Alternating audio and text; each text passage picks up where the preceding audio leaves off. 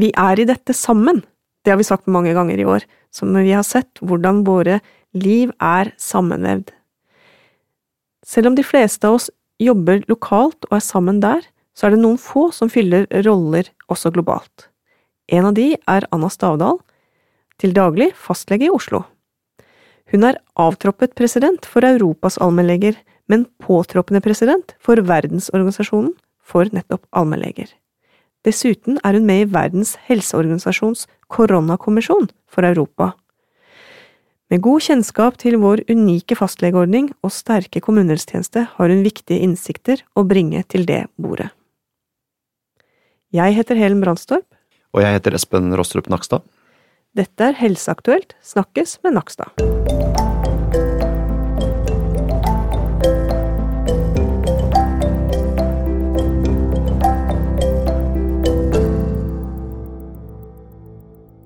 Espen, min erfaring med internasjonalt arbeid har i stor grad handlet om læring.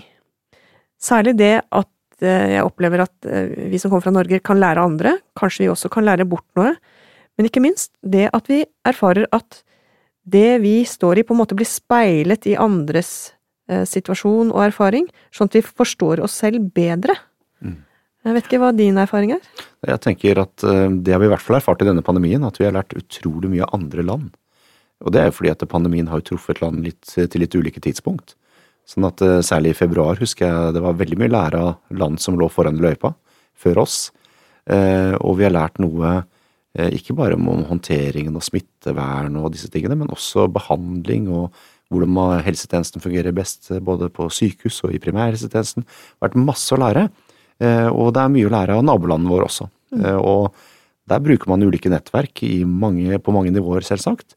Men eh, jeg tror kanskje at, at man i veldig mange land har, har innsett at jøss, det var faktisk mer å lære av naboen enn det vi trodde. Mm. Eh, og, og det, det, tror jeg kanskje blir litt spennende å se også i framtiden, om, om vi tar det med oss videre når det ikke er en pandemi lenger, etter hvert.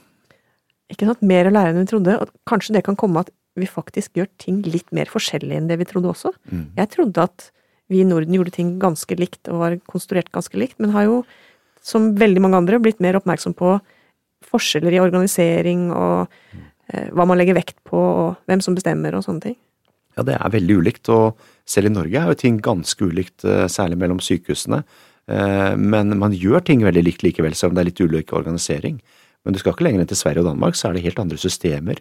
Altså forholdet mellom primær- og spesialisthelsetjeneste, hvordan det er organisert, eh, hvem som har ansvar for ting. Veldig mye er overraskende forskjellig, faktisk. Eh, og det har vi jo lært litt mer om nå i denne pandemien. Mm. Vi er så heldige å ha med oss en gjest i dag som kan veldig mye om ulike helsesystemer eh, i Europa, men også verden. Og det er deg, Anna Stavdal, fastlege i Oslo. Hei. Hei. Og også Du har vært leder på nordisk nivå for allmennleger, altså på nasjonalt nivå, nordisk nivå, europeisk nivå, og nå er du altså påtroppende president for Verdensorganisasjonen for allmennleger. Wonka heter den. Det er ganske heftig. Kan ikke du fortelle litt om det? Jo, Wonka det er et globalt nettverk av allmennleger som arbeider i fagutvikling, forskning, undervisning og det som på engelsk heter advocacy. Vi har ikke et veldig godt ord for det på norsk. Men altså fremme allmennmedisinen og primærhelsetjeneste. Eh, og skjønnheten i det. Mm. Eh, der hvor det er aktuelt. Litt mer enn en halv million allmennleger i dette nettverket, i alle de syv helseregionene, inndelt etter WHO-inndelingen.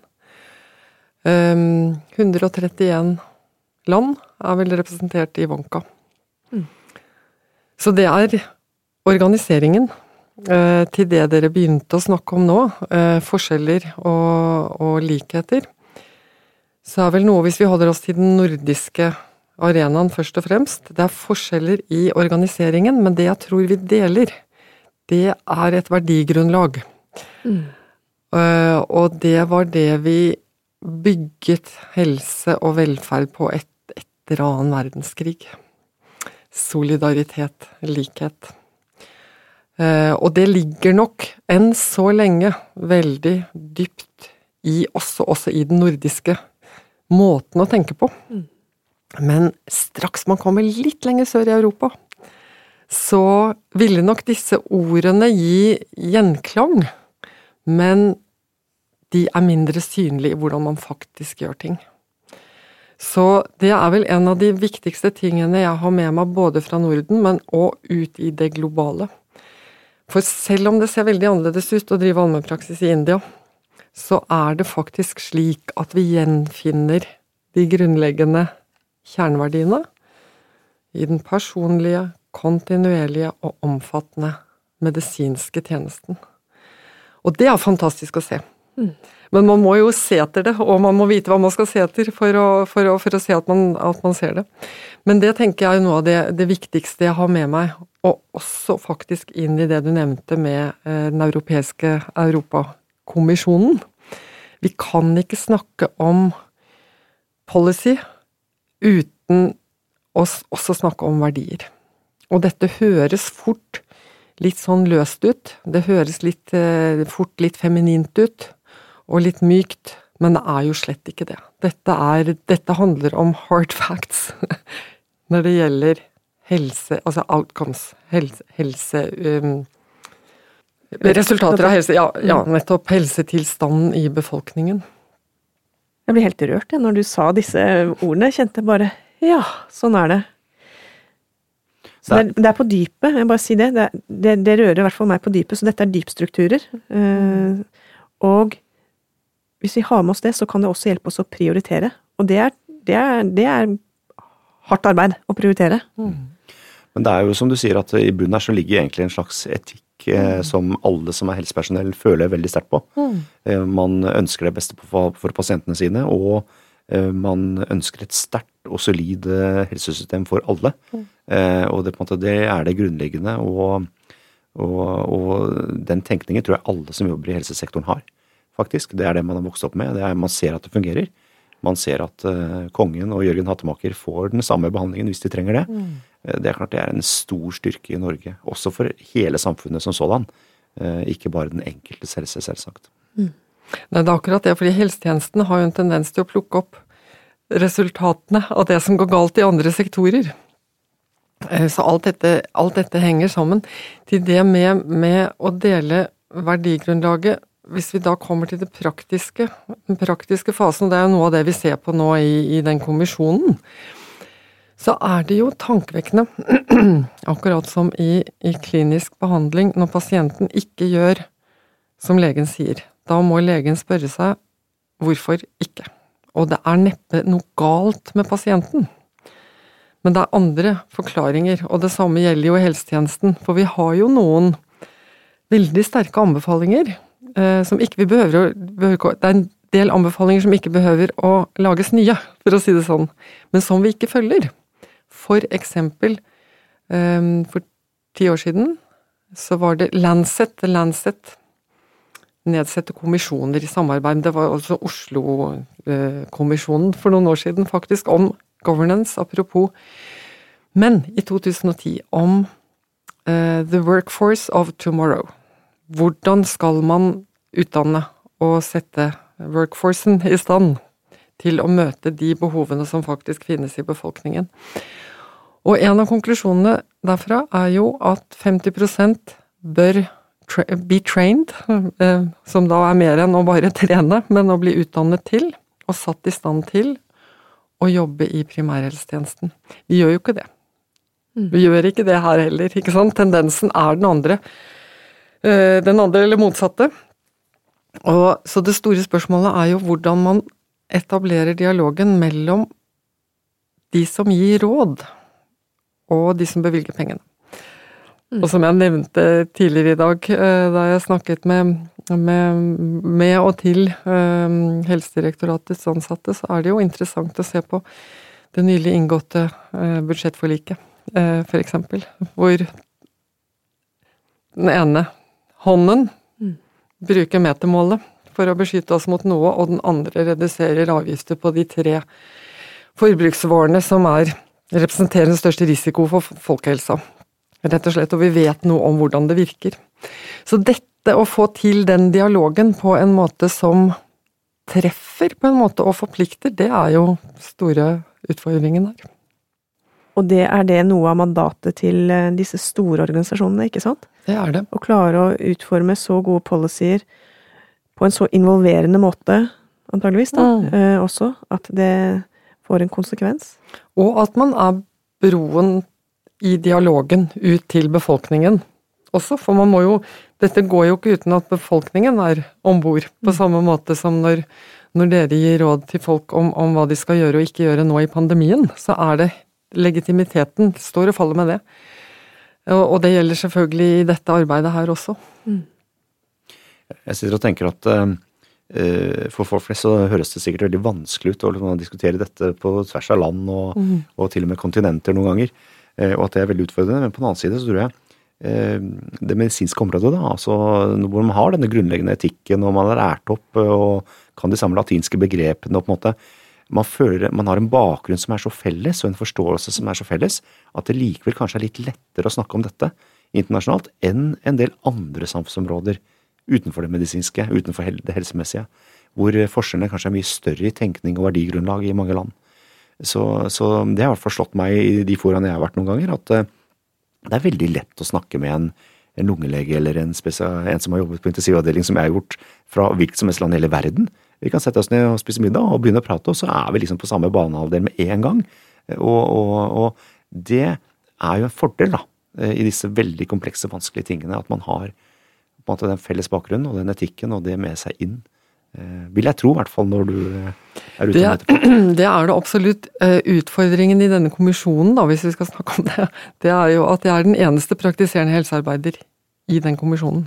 De andre har det overordnede perspektivet. De er ekstremt kunnskapsrike og erfarne, men også nesten uinntagelige. Eh, Som, som jeg sa til noen andre her, at av og til føler jeg at jeg er hun kjerringa som kommer fra bygda og sier nå skal jeg høre hvordan det er. Veistandarden der ute, og hvordan det virker på hvordan vi har det, ikke sant.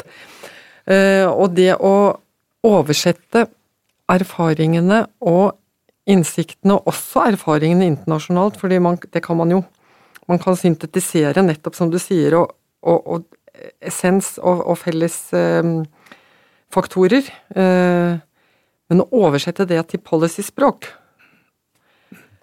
Da skal du være en god oversetter og ha gode folk eh, rundt deg også som hjelper deg med det.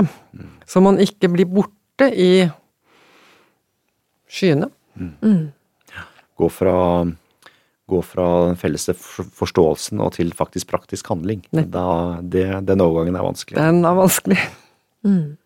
Ja, og i den kommisjonen, den ledes jo av Italias tidligere statsminister minister, Mario Monti, og jeg har sett at også Helle Thorning-Schmidt er med, tidligere Mm. statsminister i, i Danmark, så det er jo ganske high level på disse menneskene. Mm. Mm. Er det mye å lære av de? Masse. Mm. Masse. Det er det. Hva er det å lære av de, føler du? De Det er mer det uutsagte enn det de sier. Fordi hvis man først er inne i problemstillingen, så er det mange ting, akkurat som vi når leger snakker sammen, så er det mange ting som er selvfølger når leger snakker sammen, nettopp som du sier. Vi har den felles forståelsen, vet kro hvordan kro kroppen virker. Eh, mer enn den faktiske kunnskapen de har, så er det akkurat det jeg sa i stad, de kjenner mekanismene. De vet hvordan avgjørelsene tas, og de tas litt annerledes enn vi vanlige folk ofte tenker på det som. Ikke sant? Og da har du for eksempel forholdet mellom EU og WHO Europe. Hvordan er det med Russian Federation i dette? Hvordan er det nå, hva som foregår nå i Nagorno-Karabakh og Armenia? Hvordan spiller det inn i hvordan man snakker helse og helsetjeneste? Det spiller inn. Dette lærer jeg. Ikke sant? Og det å alltid se etter de bakenforliggende strukturene, hva er det egentlig som foregår her nå? Et av poengene med kommisjonen, dette er jo en kommisjon som er satt sammen av etter personlig invitasjon nettopp for å prøve å frakoble det eh, hva skal vi si, særinteresser, da, og også nasjonale interesser. Men det er klart vi er der som vi er. Jeg har det norske flagget på brystet, og jeg er Wonka. Selv om jeg er der som doktor Anna Stavdal, punktum. Og helse blir jo også politikk, og det er mye penger involvert i Mm. helse i Mm. alle land, så Alle. da blir det politikk. Mm. Jeg ser for meg at du, du sa noe om at du kommer fra bygda. Mm. Men er, kommer du også med det sunne bondevettet, da? Og skal fortelle liksom at dere, det som virkelig står på spill her, er dette. Mm. Og vi har disse verdiene, ikke sant? Mm. Skal vi ta de på alvor? Hva, hva, hva snakker vi om da? Mm. Jeg føler at, eh, Ja. og, og som du sa, en sterk primærhelsetjeneste, som du jo har erfaring med. Vi Mm. har vel, er vel blant verdenstoppen der, vil jeg Mm. tro. Med, og med, Mm. den, med en fastlegeordning som er ganske unik, Mm. og en voldsom styrke også. Det er en fordel. Og man vet Altså, Norden har jo et eget lys over seg i, i public health-kretser, og når man tenker helsepolitikk. Det kan også være en liten uro, eh, ulempe. Eh, hva vet vel du, som kommer fra et land hvor, som har hatt dette alltid, iallfall så lenge du har levd, og lenger enn det, og har et oljefond? Ja, dere kan jo gjøre som dere vil. Eller dere er jo så få. Eh, og bor så langt nord, og der er det kaldt og masse som ikke gror. Og mange sykdommer og sykdomsmekanismer som ikke eksisterer, så å si. Og ikke, og nettopp dere har høye alkohol, ikke drikker dere, og ikke kjører dere over 100 km i timen, osv. Eh, men stort sett så er det en fordel. Og jeg tror også at det blir At man representerer jo da nettopp en kultur og erfaringer som, som, eh, som godt kan være sammenlignes med godt bondevett, ja. Mm. Jeg så eh, det var, det var en europeisk eh, et europeisk arbeid som nylig ble gitt ut, som pekte på generalistkompetanse, for eksempel, Mm. som helt sentral for resilient helsesystem, eller robust Mm. helsesystem. Så det er jo altså eh, the beauty of being small også, ikke sant. Korte veier og lett å fatte avgjørelser, og også ansvarliggjøre. Mm. Så det er jo noen, noen ting man kan ta med som eh, ikke handler om penger òg, da. Absolutt. Ja. Absolutt, ja, først og fremst. Det er jo, har vært en av mine refrenger gjennom hele min karriere. At vi må først så må vi snakke om hva vi vil, og så må vi snakke om hvor, pengene etterpå. Mm. Ja. Jeg har, vet at du har et eh, engasjement for, eh, for digitaliseringen, og har tanker rundt sant, den utviklingen vi står i nå. Nå har jo den skutt fart. Eh, fastlegene tok i bruk eh, videokonferanse eh, jeg, tror det var 80% av konsultasjonene på et tidspunkt, og så har de falt igjen. Ned til 20 er det siste jeg har sett, så, så alt kan ikke løses via video. Det vet vi jo, men allikevel.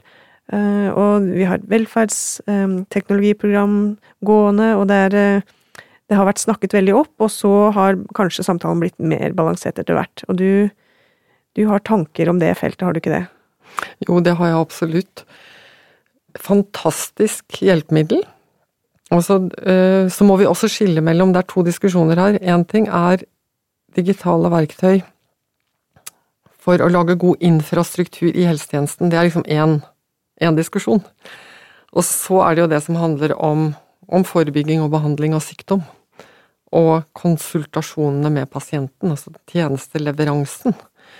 Og det er en annen ting, og det er på det siste området, det første er det mye å si om, eh, men det blir igjen overordnede strukturer. Eh, Men i det, det lille formatet, da, altså som handler om møtene mellom, mellom mennesker, så er det klart at de gir store muligheter og noen potensielle skadevirkninger. Så med den revolusjonen vi var vitne til, og er i nå Alle revolusjoner kan ha eh, bivirkninger.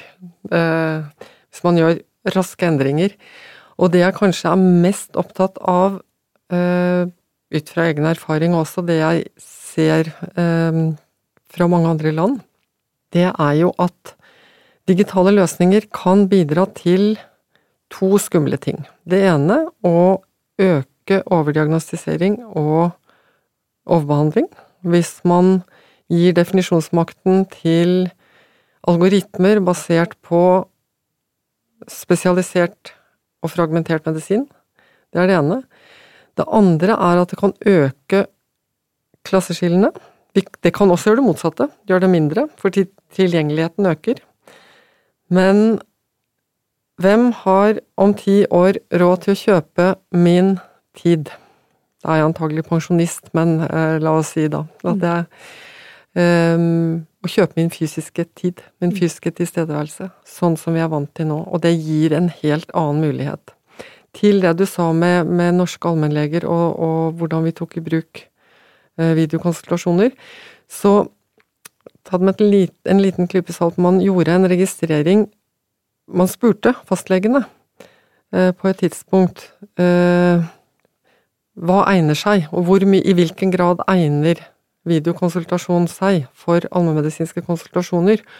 Og da tror jeg det var omtrent 30% 30% av det pasientene kommer med, kan vi løse på den måten, og løse godt på den måten. Det betyr at øh, det er mindre enn 50% iallfall. Mm. Og da må man også ha løsninger for det. Det er mange ting vi unngår å snakke om, vi ikke vil ta opp på skjerm. Uh, mange ting pasientene ikke vil ta på skjerm. Så kan man si det motsatte òg. Men uh, dette må nyanseres iallfall, og diskuteres. Ja. Det er spennende å høre. Det er, ligger jo utrolig mange muligheter. Altså, jeg sitter og tenker f.eks. En, en pasient som egentlig har lang reisevei og reiser inn bare for å ta en blodtrykkskontroll og justere litt på en dosering, kan ha et blodtrykksapparat hjemme liggende, trykke på knappen, og fastlegen sitter der og forteller ja, nå skal du øke dosen på den måten.